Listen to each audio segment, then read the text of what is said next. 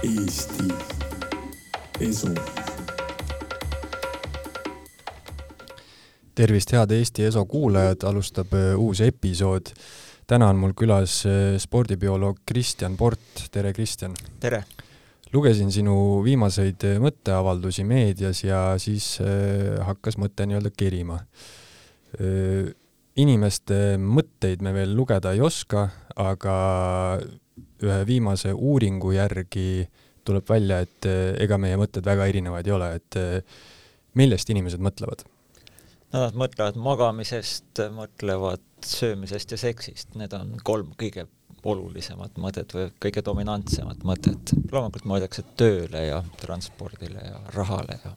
seda on jah huvitav mõelda, et eh, kuidas üldse sellist asja uurida, et sa olid artiklis välja toonud selle uurimismeetodi, kus siis inimestele äh, suvalisel kellaajal hakkas mingisugune tilin tööle ja paluti, on ju, kirja panna, et eh, mis mõtted siis parasjagu peas on. jah, just nii, et eh, kui me näiteks küsiksime inimese käest, et istu nüüd valge paberi taha ja kirjuta üles, mis mõtteid sul on, siis sellel hetkel on valge paberi mõtted. Aga selleks, et mingisugune selline juhu valimine, arusaam tekitada sellisest suuremast inimeseks olemise pilvest, võtad hästi palju inimesi ja siis neid äh, torkad nõelaga teatud hetkedel ja küsid, mis nüüd juhtus. et, et see on see mõte olnud. jah, võib-olla ma nüüd mõtlen, et kui keegi peaks minu, minu käest just, just praegu küsima, et millest sa mõtled, siis äh, mulle tundub, et kuidagi ikkagi oleks raske mul äh, nii-öelda näpp täpselt peale panna, et mis see mõte oli. siis võidki öelda, et vaaria või arusaamatu või olen tööl või midagi taolist et aga nendest saab kõigist ju välja filtreerida, et mis see metamõte sellel hetkel on, sul on ikkagi mingisuguses eh, tegevuskesksed eh, kognitiivsed protsessid, mis eh, domineerivad. söömine, magamine, seksimine, no kas me oleme ikkagi siis rääkivad ahvad, et ahvid, et üsna primitiivne värk, et magamise ja söömise ma paneks nii-öelda ellujäämise äh, valdkonda ja seksimise siis enda soo jätkamise valdkonda. jah, eks me olemegi ahvid, et siin suurt vahet ei ole, meil on lihtsalt i-telefoniga ahvid. jah, ahvid, kes saadavad email'e, onju. Mhm. aga kui me räägime just sellest primitiivsest poolest, et kas kõik mõtted, ütleme, kui keegi küsib minu käest, et eh, millest sa praegu mõtled ja ma vastan talle, et mul on see ja see tööprojekt, kas see mõte on nii-öelda taandatav ikkagi minu põhimõtteliselt siis söömisele, et see töömõte toob mulle leiva lauale ja, ja kas nii-öelda kõik mõtted on taandatavad sellele primitiivsele impulsile? Jaapanlastel on selline rahvatarkus, et küsi viis korda miks ja siis enam ei küsi. no enam sa ei saa vastata, miks ja, ja ka söömine on ka siis millegi jaoks, et sa ei söö lihtsalt selliseks hedonistlikuks hetkeks, kuigi me tarbime toitu tihtipeale mitte selle patarei laadimiseks, vaid ikkagi selle meelehea saamiseks sotsiaalse protsessi ühe sellise liimina või, või motivaatorina. aga jah, et see toit on kindlasti elus püsimiseks oluline, et, et me tahame elus olla ja siis, kui küsida, et millist elu sa tahad elada, siis arvatavasti tahaks head elu elada. ja siis me üritame teadlikumalt ja alateadlikumalt neid valikuid tehes ähm, kas suurendada või vähemalt säilitada seda head tunnet. kas sa sellega ka nõustud, et äh, magamine on põhimõtteliselt äh, ka taandatav sinna ellujäämise alla, et iga inimene, kes on ma ei tea, seal paar päeva üleval olnud, saab aru, et äh, ta ei funktsioneeri enam väga, väga hästi? Jaa, absoluutselt, meil on kogu elusloodus on üles ehitatud tsüklilisele tööle, noh, ma ei, saagi käsitleda elusloodust teisiti, kui et pingutad, kulutad energiat ja lõhud ennast, siis sa pead mingil hetkel taastama kõiki neid varusid ja üles ehitama. ja see magamine kolmandik elust möödub äh, väga paljudel loomadel, noh, kes elavad lühemat aega, on see uni äh, natukene pikem, nad elavad intensiivsetes lõikudes, noh, kassitiired näiteks. Ja, ja kes elavad kauem, nende magamistsükkel on jällegi lühem, aga see näitab, et ainevahetus on aeglasem. ja seega meie keskmine sellise tempo tasalülitamine, selle üheks instrumendiks on magamine, et, et kui me, me võime päevas teha isegi mitu päeva järjest teha väga rasket tööd, magamata olla, ja kui me siis ei maga, siis me sureme ära. et järelikult magamine on eriti tähtis elu, elus püsimiseks. Kui kaua ma võin järjest üleval olla, enne kui ma ära suren? Neid katseid ei lubata teha, ega ei, ega ei leia ka katsealuseid väga, aga et et loomade peal on tehtud enam-vähem niisugune üheksa päeva, kolmandas-neljas päev hakkavad deliiriumid tekkima ja, ja ja praktiliselt kõik äh, sellised tõsisemad haigused on seotud äh, magamishäiretega. Kas äh, magamise tulemusel need haigused süvenevad või haigustega kaasneb häired magamises, need mõlemad hakkavad teineteist siis toitma, tekib selline nõia, nõiaring selline deliiriumi sarnane tunne on mulle küll tuttav, et äh, vist on mul seal üle kuuekümne tunni on rekord, kus niimoodi järjest üleval olla. ja tõepoolest kuidagi äh, keha hakkab hästi veidralt käituma, et äh, tahad kätt tõsta, aga siis selle jaoks läheb mingisugune kolm sekundit aega või et see nii-öelda signaal kohale jõuaks või sellised hästi imelikud, imelikud nähtused hakkavad siis sündima. Jah, kesknärvisüsteem ei talitle enam adekvaatselt ja ja ütleme, kui me käsitleme kesknärvisüsteemi arvutina, siis see arvutis enam ei saada aru sisendist ja, ja väljundisse antavad signaalid on ka segased, nii et, et ka ja siseorganid, mis üritavad meid elus hoida, mida me ei teadvusta, me ju ei teadvusta, kuidas süda lööb või milline vererõhk on. aga see on ka kõik närvisüsteemi kontrolli all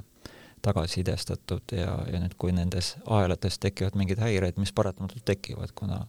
me kogu aeg kulutame midagi ja, ja kui me neid ei taasta, siis tagajärg ongi see, et äh, süveneb segadus. ja noh, üks hästi suur seg-, segaduse süvenemine on see, et me sureme lõpuks ära. et me üritame küll ennast korrastada, aga see, kui kaua seda õnnestub teha, et umbes sadakond aastat jah, et siis äh, sinu järgi saab äh, suremisele panna sellise definitsiooni nagu üks suur segadus. jah, no me pära-, sureme praktiliselt iga päev ära, et õhtuks kaotame teadvuse, hommikul oh, oh, tuli, tuli jälle teadvus tagasi. aga lõpuks äh, kogu see tsükkel ikkagi, termodünaamika teine seadus, korrapäratus kasvab selle seaduse järgi, kas toimib ka meie mälu, et siin-seal oled maininud, et et magamine parandab mälu ja, ja see, see vana müüt, et kas sa hakkad eksamiks, kas sa eksamiks terve öö õpid või hoopiski lähed lihtsalt magama ja siis lähed hommikul eksamile, et räägitakse, et see magamaminek on parem. Ma ei teagi, kuidas käsitleda mälu parandamist, mälu tuleb luua, mälu on selline dünaamiline nähtus, ta või selles tekivad teatud, teatud seosed ja seosed võivad ära kaduda, kas me seda siis mäluks nimetame, aga jah, on teada, et et kesknärvisüsteemis mäluprotsessid asuvad, kesknärvisüsteemis toimetatakse, ei lülitata välja, vaid see magamisaegne režiim on teistsugune tegevus. seal kuskil kaks tuhat üksteist, kaksteist suurusjärgus, noh, kümmekond aastat tagasi tänu metoodika arengule avastati täiendavad mehhanismid, noh, mitte täiendavad, nad olid olemas, aga, aga meie jaoks äh, tuleb natukene füsioloogiaõpikud ümber kirjutada mehhanismid, mis siis sellise rahuliku magamise ajal, mille pärast meil ongi, meil on niisugune natuke rahutum, see rapid eye movement või REM-uni, ja siis selline paralüüsitud, kus käsi-jalgu ei suuda isegi liigutada, kui inimene üles ajada. siis äh, sellise unefaasi ajal äh, siis toimub hästi vaikne selline torustik, mis on ühendatud sünapsitega, mis siis, kus siis neid keemilisi signaale edasi antakse, neid on meil triljoneid ja neid siis vaikselt puhastatakse, sest et ärkveloleku ajal äh, kõik need keemilisi signaale, mis edasi antakse, neid edastatakse, pidurdatakse, edastatakse, pidurdatakse, paratamatult tekib ka sellist ütleme, jääkaineid ja ütleme, probleeme, korrapäratus kasvab. ja seal tuleks nagu öösel suures kontorihoones ka käib öösel koristaja. aga nüüd, kui kontoris elatakse, siis koristaja ei saa mitte midagi tegelikult kasulikku teha ja see glümfaatiline süsteem, mida siis kirjeldati, see siis vaikselt öösel, just selle eriti vaikse rahuloleku ajal tänu eh, sellise pulsatsiooni rõhu muutustele, mis on ääretult väikesed ajus, aga sellepärast peab just keha rahulik olema, siis vaikselt eh, koristatakse, viiakse lümfisüsteemi, mis omakorda seotud ka immuunsüsteemi ja kehakaitsemehhanismidega. siis tulebki välja, et eh, et siit on siis üks seletus ka sellele, et miks haiged inimesed magavad rohkem, eriti nakkushaiguste puhul. ja, ja, ja kui sa ei maga, siis sa ei tervene. et, et, et seda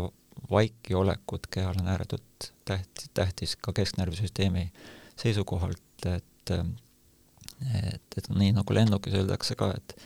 kõigepealt pane mask enda pähe, siis asu teisi päästma, et aga kui sul nupp ei noki,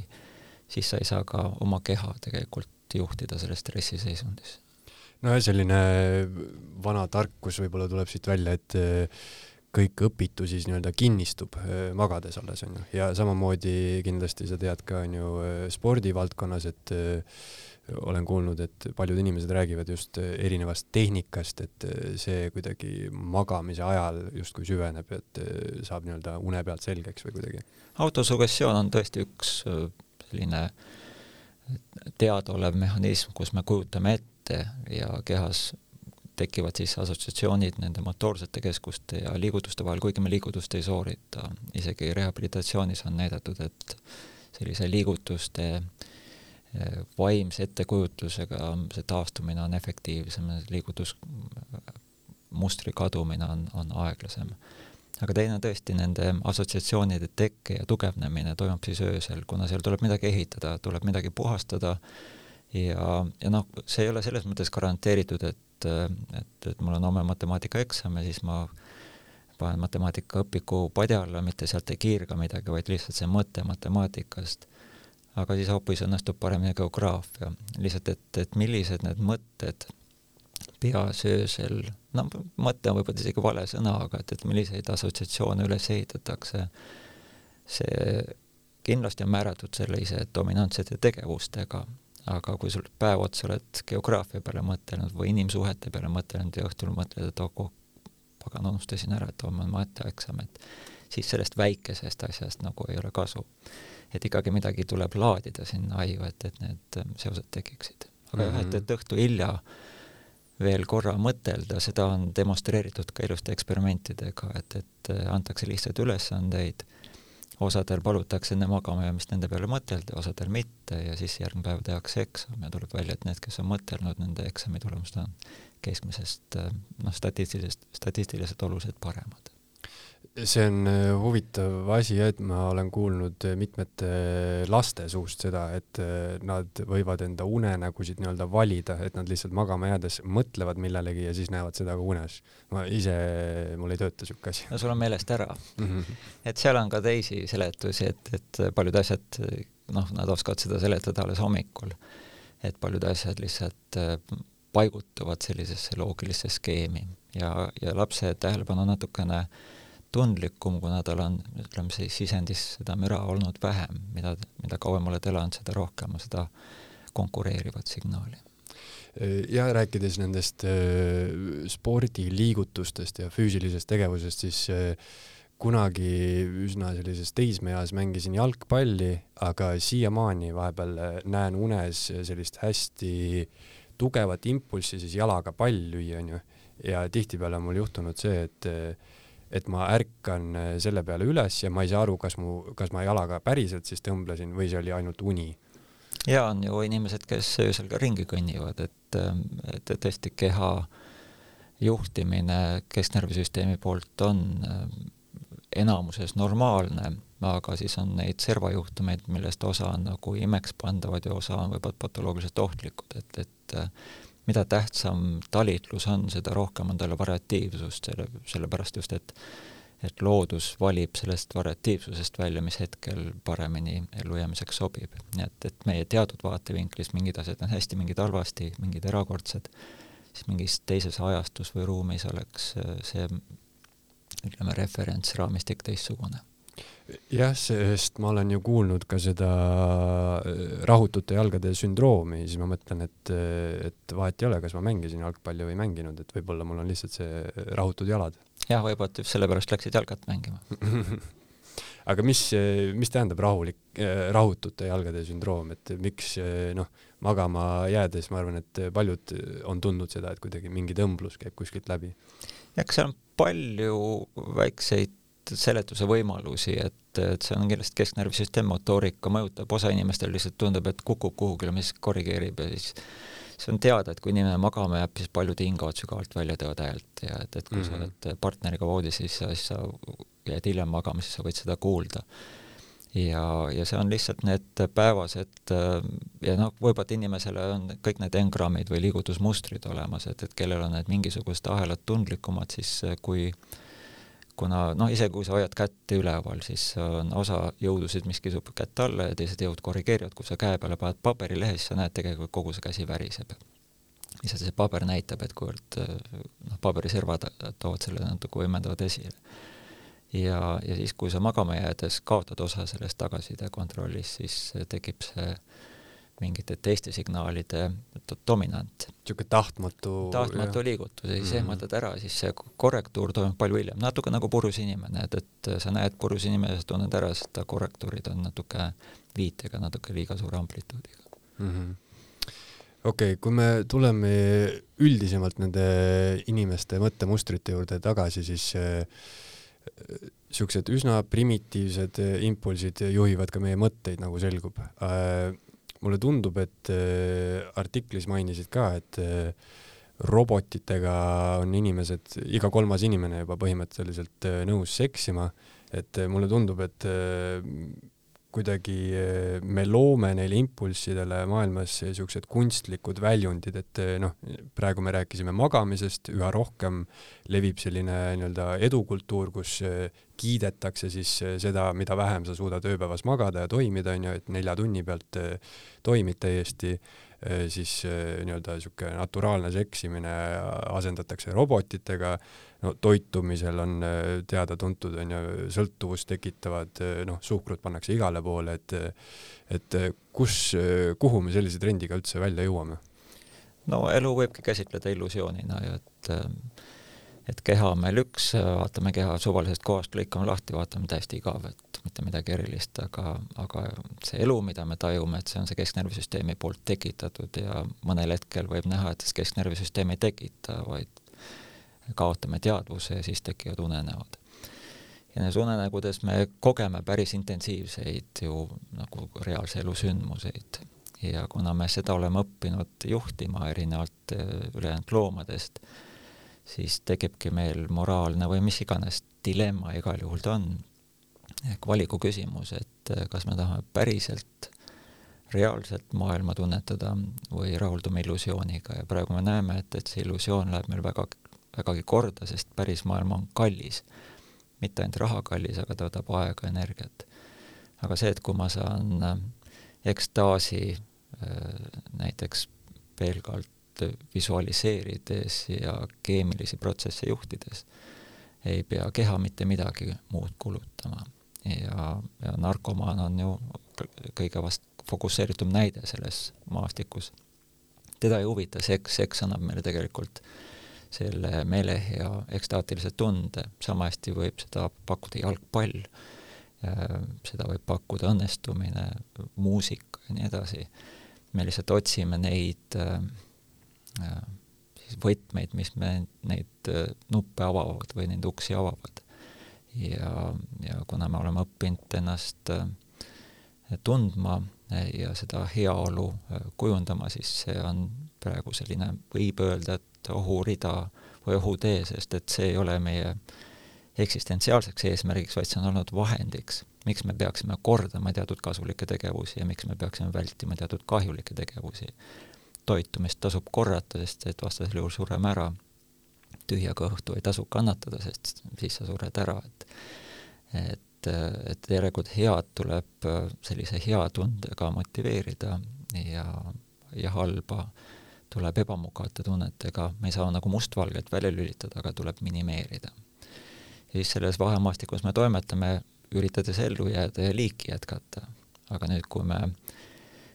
noh, see Walli muinasjutt või Walli multikas on olemas, et, et äh, lõpuks me oleme ainult sellised äh, sõiduki peal söövad ja ekstaatilist äh, visuaali jälgivad inimesed, kes tekitavad ainult keskkonda rämpsu, kuni noh, seal Wall-E on lastele mõeldud multikas, et seal, mis nendest inimestest saab, seda enam ei käsitleta, aga see vihje selgelt on olemas, et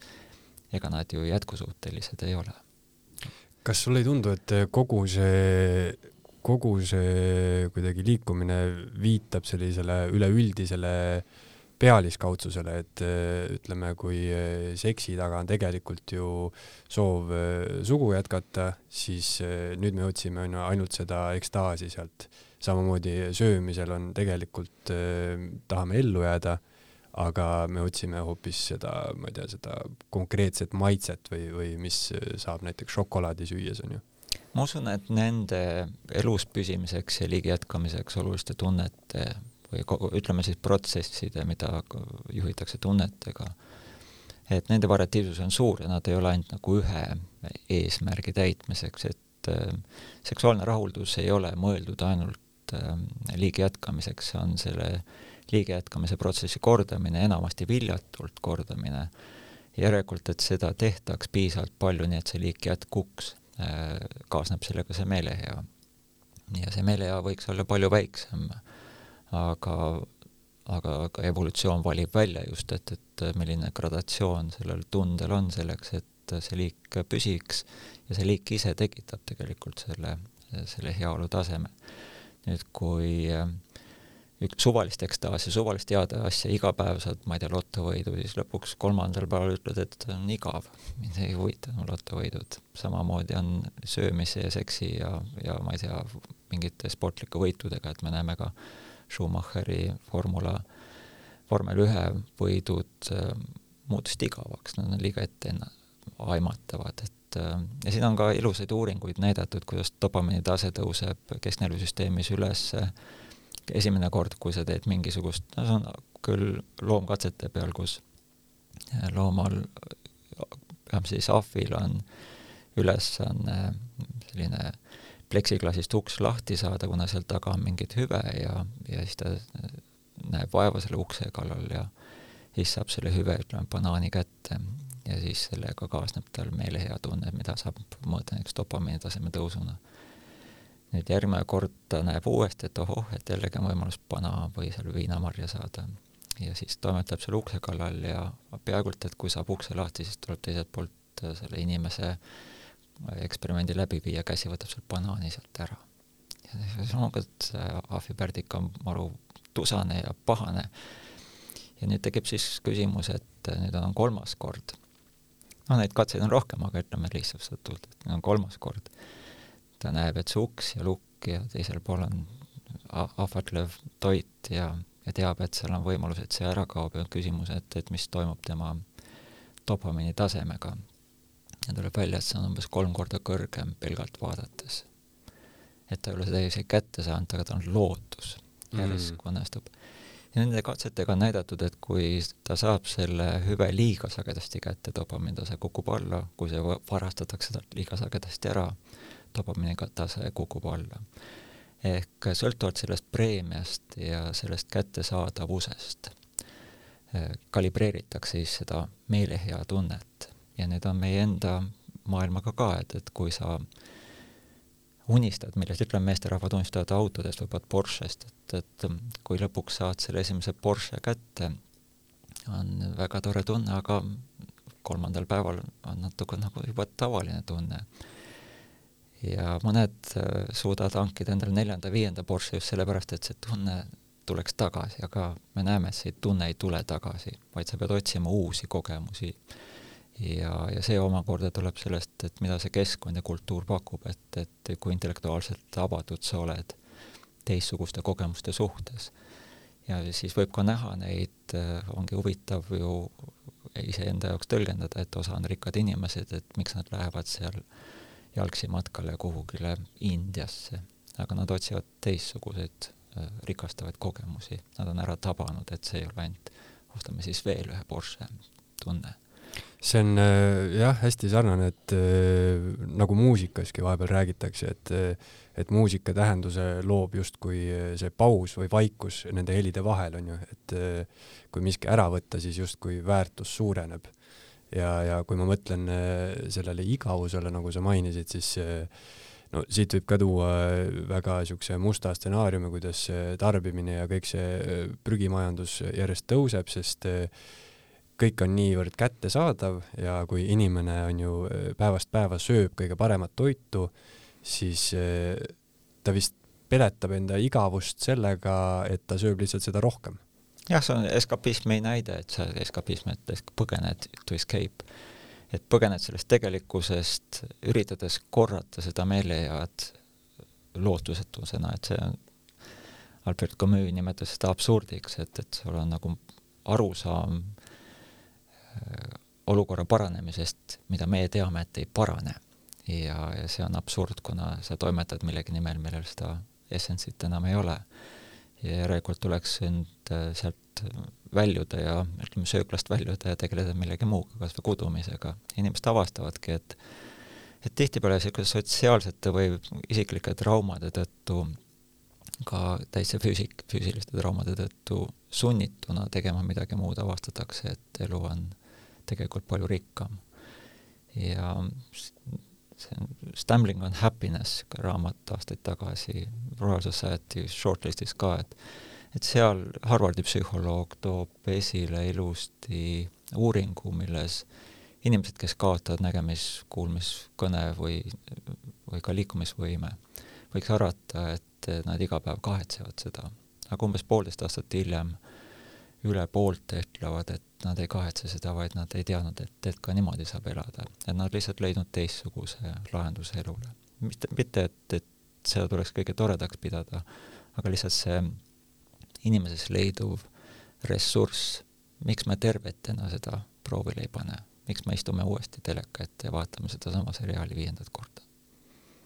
tõsi ta on jah, inimene on muidugi harjumuse ori, aga samas ka üks kõige paremaid kohanejaid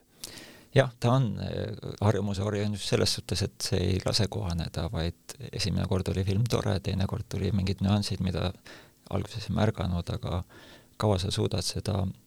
surnud kassi vastu asfaldi pekstes tantsima panna, et, et lõpuks on ikkagi moos mm. -hmm no sellisest äh, täiesti mõttetust teleka taga istumisest äh, võib ka välja tuua selle, et äh, mainisid ka artiklis, et ühiskondlik IQ on meil langemas ja seevastu sinna vastu on ju tehisintellekti IQ nii-öelda siis tõuseb järjest, et inimesed muutuvad äh, lollimaks, robotid lähevad targemaks. kas äh, inimesed siis hävitavad maailma ja robotid päästavad selle?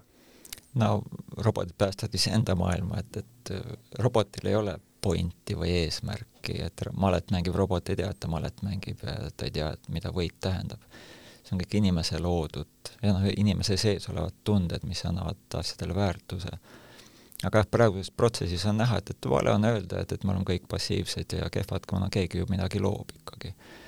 aga, aga selle loomise valikuid teeb see suur mass, kes ostab, kes tarbib, et vastasel juhul seda loomist äh, ei saa ju kinni maksta või ära, see ei ole tasuv. ja see suurema massi probleem on just selles ja see ei ole halvustavalt öeldud, vaid et me oleme päeva lõpuks väsinud ja siis me leiame, et meil on õigustus puhata ja meelt lahutada. ja tagajärjeks ongi, et sa näed, kuidas äh, sellises sümptomaatika, mida me juba meediaruumiks võib nimetada, et, et seal on Eesti Laul võib-olla võtab kaks kolmandikku meediapinnast ja, ja mine aeg tagasi, ütleb, praegu on meil palju, palju, palju tõsisemaid probleeme, mis päriselt inimesi peaks mõjutama. aga selle kiuste endiselt on see meelelahutus ja, ja selline pinnapealne narratiiv, mida suudet, millest suudetakse aru saada, millele reageeritakse tihtipeale ka niisugune provokatiivne halva marineerimine. et, et ega see ju tegelikult inimeseks olemist paremaks ei tee. aga ta aitab selle rahavooga suunata, et mida tahetakse, ta, ta toob esile selle. ja ega ühel hetkel kindlasti me ärkame arvatavasti individuaalselt, Charles Mackey on Šotimaal seal kuskil kaheksa, üheksateistkümnendal sajandil, tema ütles, et hulluks minnakse hulgakesi, aga tarkus tuleb tagasi individuaalselt, et, et me hakkame märkama ise, et, et oot-oot-oot, et kas ma nüüd olen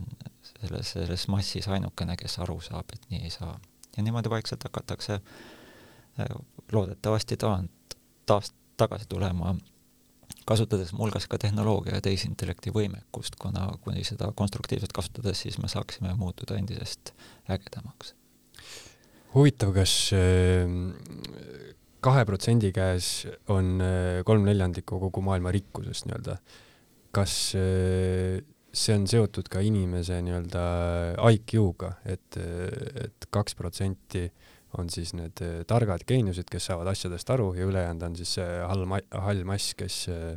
pärast ööpäeva lihtsalt viskab sinna teleka taha ja hakkab Eesti Laulu vaatama? Ei ole. enamus sellest ülemisest protsendist on, on need, kelle käes on vara, mis muutub lihtsalt väärtuslikumaks tänu sellele, et ülejäänud mass seda tahab, näiteks kinnisvara näiteks energiaallikad ja nii edasi, et me kuna ülejäänud kõik tarbime seda tööd tehes, siis nende jaoks nad ei pea mitte midagi tegema, see vara, lihtsalt vara väärtus kasvab. parem on, kui nad midagi ei tee, sest nad võivad midagi valesti teha. Nende hulgas loomulikult on ja see piiri peal, kus siis keskklassist minnakse rikkamasse klassi, on, on just see osa, mis, mis loob seda uut väärtust, tänu millele üleüldse see ütleme, progressi narratiivis ütleme, see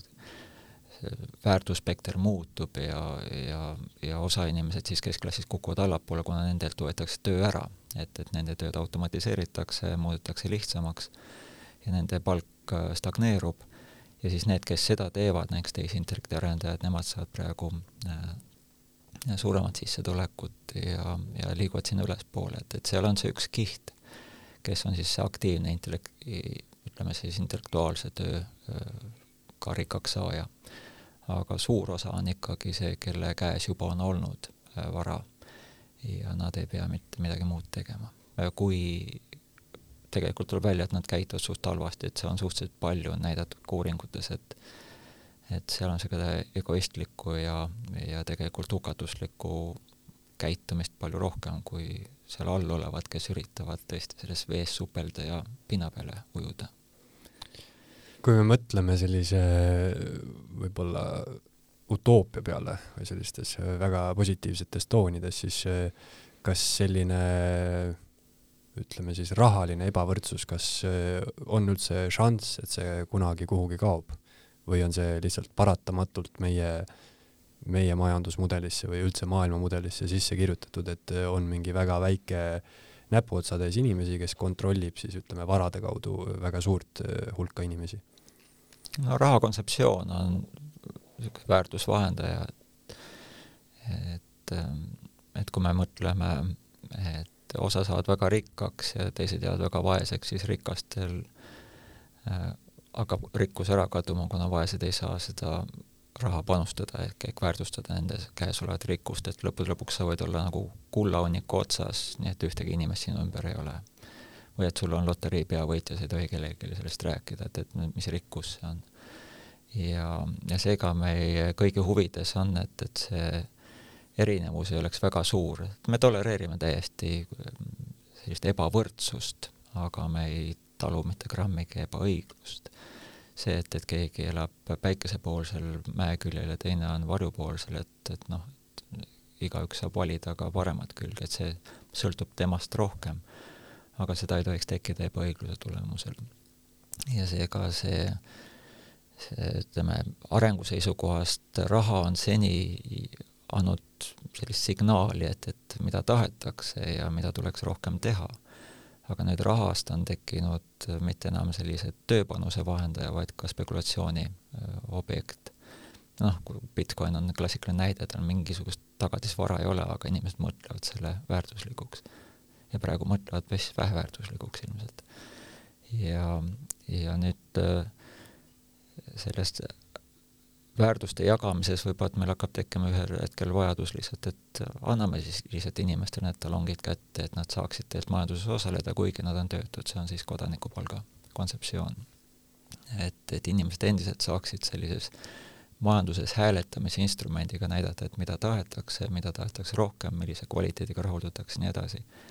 ja siis kaob ära see, et, et okei okay,, et mul on Mona Lisa maal, et see on nagu erakordselt väärtuslik. ta ei ole mitte rahaliselt väärtuslik, vaid kõik tunnistavad, et et kaitseme seda, hoiame seda, käime kõik üheskoos vaatamas ja ja, ja naudime või räägime sellest teistele, selles on see väärtus, aga mitte selles, et, et tal on mingisugune kindlustus, tagatissumma, et see on liigne abstraktsioon. kuidas sa sellesse kodanikupalka suhtud, et kui ütleme siin noh, lihtsa näitena toome Eestis, et iga inimene saaks lihtsalt selle eest, et ta on inimene, tuhat eurot kuus palka. Et eh, millised tagajärjed sellel võivad olla või ku, kuidas sa seda vaatad, on see pigem negatiivne, positiivne? jah, noh, siia võib mitut moodi vastata, üks on see, et kuidas ma suhtun, et mul ei olegi midagi suhtuda, mul tuleb valmis panna. et arvatavasti me teisiti ei saa, et, et automatiseerimise tulemusel peab kuidagi seda, seda ostujõudu säilitama, et, et kui sul on ettevõte, kus on ainult üks, ettevõtet valitsebki masin ja võib-olla ta on üks inimesest omanik, et, et, et see inimesel ei tasu, tal ei ole selle varaga midagi teha, ta peab igal tootma seda kellelegi ja me peame siis ostma seda kaupa, aga nüüd see teine mõte, et, et mida kardetakse, et kui annad inimestele no tuhat eurot on selline toimetuleku piir enam-vähem, et sa saad äh, selle kuu aega ära elatud. et äh, see võimaldab äh, tegelikult keskenduda rohkem inimeseks olemisele, et sul teatud asju, see ei, see ei tähenda, et sa muutud laisaks, alati on olemas neid laiskasid inimesi, aga see on palju väiksem osa, et, et kui me räägime, teeme etteheiteid siin isegi asotsiaalidele, siis nendest väga suur hulk tegelikult ei ole, ei ole selle, selleks eluks valmis ega ei soovi seda elu, vaid, vaid see on lihtsalt ähm, võib-olla saamatus ja võimaluste puudumine. ja ka geograafiline ütleme, niisugune jäikus, et, et kui sul on natukenegi rohkem raha ja sa ei pea oma, ma ei tea, liisinguid maksma, et sa saad tegelikult mobiilselt liikuda sinna, kus töö on või kus sa saad oma väärtust rohkem pakkuda siis äh, sellest rahast kindlasti on kasu, et ta ei demotiveeri tööd tegemast. aga lihtsalt kindlasti on üksikuid inimesi, kes ütlevad, ja me näeme praegu ka neid tuuakse esile hea sotsiaalkindlustusega riikides, kus inimesed võtavadki lihtsalt seda sotsiaalkindlustust välja ega tööl ei käi, et nemad on harjunud selle, selle nišiga. Aga need üksikud eksperimendid, mis on tehtud nii Soomes kui ka siin Ühendriikides, Ühendkuningriigis, kas Hollandis ka mingis regioonis ja Saksamaal. et nad üldiselt siiski kipuvad viitama sellele, et, et, et inimesed on motiveeritumad ja ei, ei muutu passiivsemaks, vaid nad on ka rahulolevamad. ja, ja need, küsimus on loomulikult summa suuruses selles majandusliku ütleme, ostujõu konteksti arvestatuna, aga, aga üldiselt garanteerides ühiskonnale teatud rikkuse, nagu baasrikkuse ei tee seda ühiskonda kuidagi vaesemaks. jah, siis võib-olla selline no võib-olla natuke ülepaisutatud üldpilt on muidugi äh, Eesti meedias tihtipeale see, et äh, et meil seal eesotsas poliitikud on, kõik on hästi lollid ja saavad veel hästi palju palka ka selle eest ja siis äh, on ju, teevad nii-öelda tavainimese elu jube raskeks. aga no sinu jutust ma tooks siis sellise järelduse, et võib-olla neil ongi õigus, et jagame lihtsalt raha kõigile laiali ja Eesti elu muutub võib-olla palju helgemaks jah, seal võib olla, et ükskõik, kuidas me poliitikutesse ka ei suhtu, nad on ikkagi meie poolt valitud just selle jaoks, et me ise ei viitsi neid otsuseid teha, et ja, ja nende otsused tulenevad siis ka sellest, et milline see olustik on, et juhul, kui me automatiseerime väga palju maailma ära, muutu-, muutume infopõhisemaks, otsuseid teeme kuidagi nutikamalt või adekvaatsemalt vähemalt, ja ülejäänud raha on lihtsalt selleks, et me hääletame seda majandus- et, et mis, mis saia järgmine nädal poodi tahaks, et, et ei tahaks ainult seda ühte kirdesaia süüa. et, et siis see poliitiku vajadus kaob ära, et siis me oleme natukene tõhusamas infovahetuses selle, selle tootmispoolega. Ja noh, nii nagu va vanasti, et ega poliitikut ei teki sul kogukonnas, kes, kes toitub sellest kütikorilase kontseptsioonist, aga nii kui tekib hästi palju inimesi ja on vaja tööjaotust tekitada, siis on need esindusorganisatsioonid paratamatud et, et meil ei tasu jälle liiga triviaalne mõte, et, et on ainult head ja halvad inimesed ja mina kuulun alati nende heade hulka, et see on ikkagi alati mingid nähtused, mis on valideeritud pikema aja jooksul, ükskõik kui palju ikka ei kiruta, aga see on paratamatu, et meil ei ole ideaalset elu võimalik elada nojah, kui äh, nüüd tulla tagasi täiesti saate alguse juurde, siis äh, kui keegi nüüd mind torkaks võib-olla naljaga küsiks, et, et millest sa praegu mõtled, siis võikski kokku öelda, et kokku võtta, et on olemas head ja halvad inimesed ja mina olen hea. no näiteks aga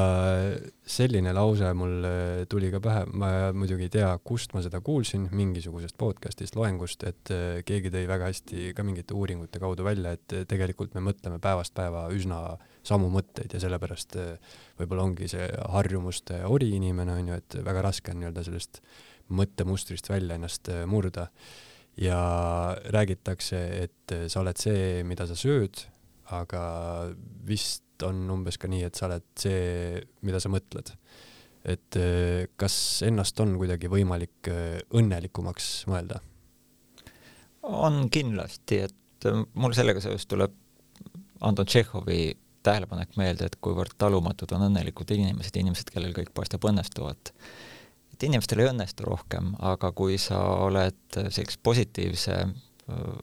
suhtumisega ja meil öeldakse igal mündil kaks külge, et, et meil igas halvas olukorras on ka midagi, millest on kas õppida või midagi, mida saab positiivseks keerata ja meil on väga-väga traagilisi olukordi, kus on väga raske seda näha. aga neid ei ole niivõrd palju, et me ei tohiks ülejäänud elu raskustes näha neid lahendusi ja ignoreerida neid väikeseid asju, mis tegelikult ei ole probleemid, vaid on lihtsalt argised mööduvad asjaolud. Need inimesed, kes on negatiivselt ärrituvad, siis nemad muudavad need kõige väiksemad asjad ka kogu aeg taoliseks, siis nad suurtes raskustes ei näe mitte midagi muud kui maailma mustvalge. ja seetõttu need õnnelikud inimesed paistavadki õnnelikumatena, et äh, neil tundub, et neil ei ole raskusi ja kõik asjad ainult, ainult õnnestuvad. ja, ja selles mõttes tõesti oma mõttelaadilt ja olemuselt äh, saab ennast äh, noh, elukvaliteeti parandada just selle tõttu, et reaalselt elu muutub paremaks, kuna sa teed paremaid valikuid. sa näed rohkem, sa ei ole mustvalge. jah, kõik on perspektiivi küsimus, ma tean, minul tihti ma olen elus märganud seda, et kui ma olen kuhugi minemas ja ütleme, mul ei ole kiire ja ma löön varba ära, siis äh, ega väga midagi ei juhtugi, aga kui mul on hästi kiire ja ma löön varba ära, siis ma kirun ja siis on kapp süüdi ja, ja täpselt, täpselt, mis see kapp siin teeb. aga sellega võtakski kokku, et kõik on perspektiivi küsimus ja olge positiivsemad. jah, oleme sõbrad edasi. aga aitäh sulle, Kristjan! aitäh! Eesti esu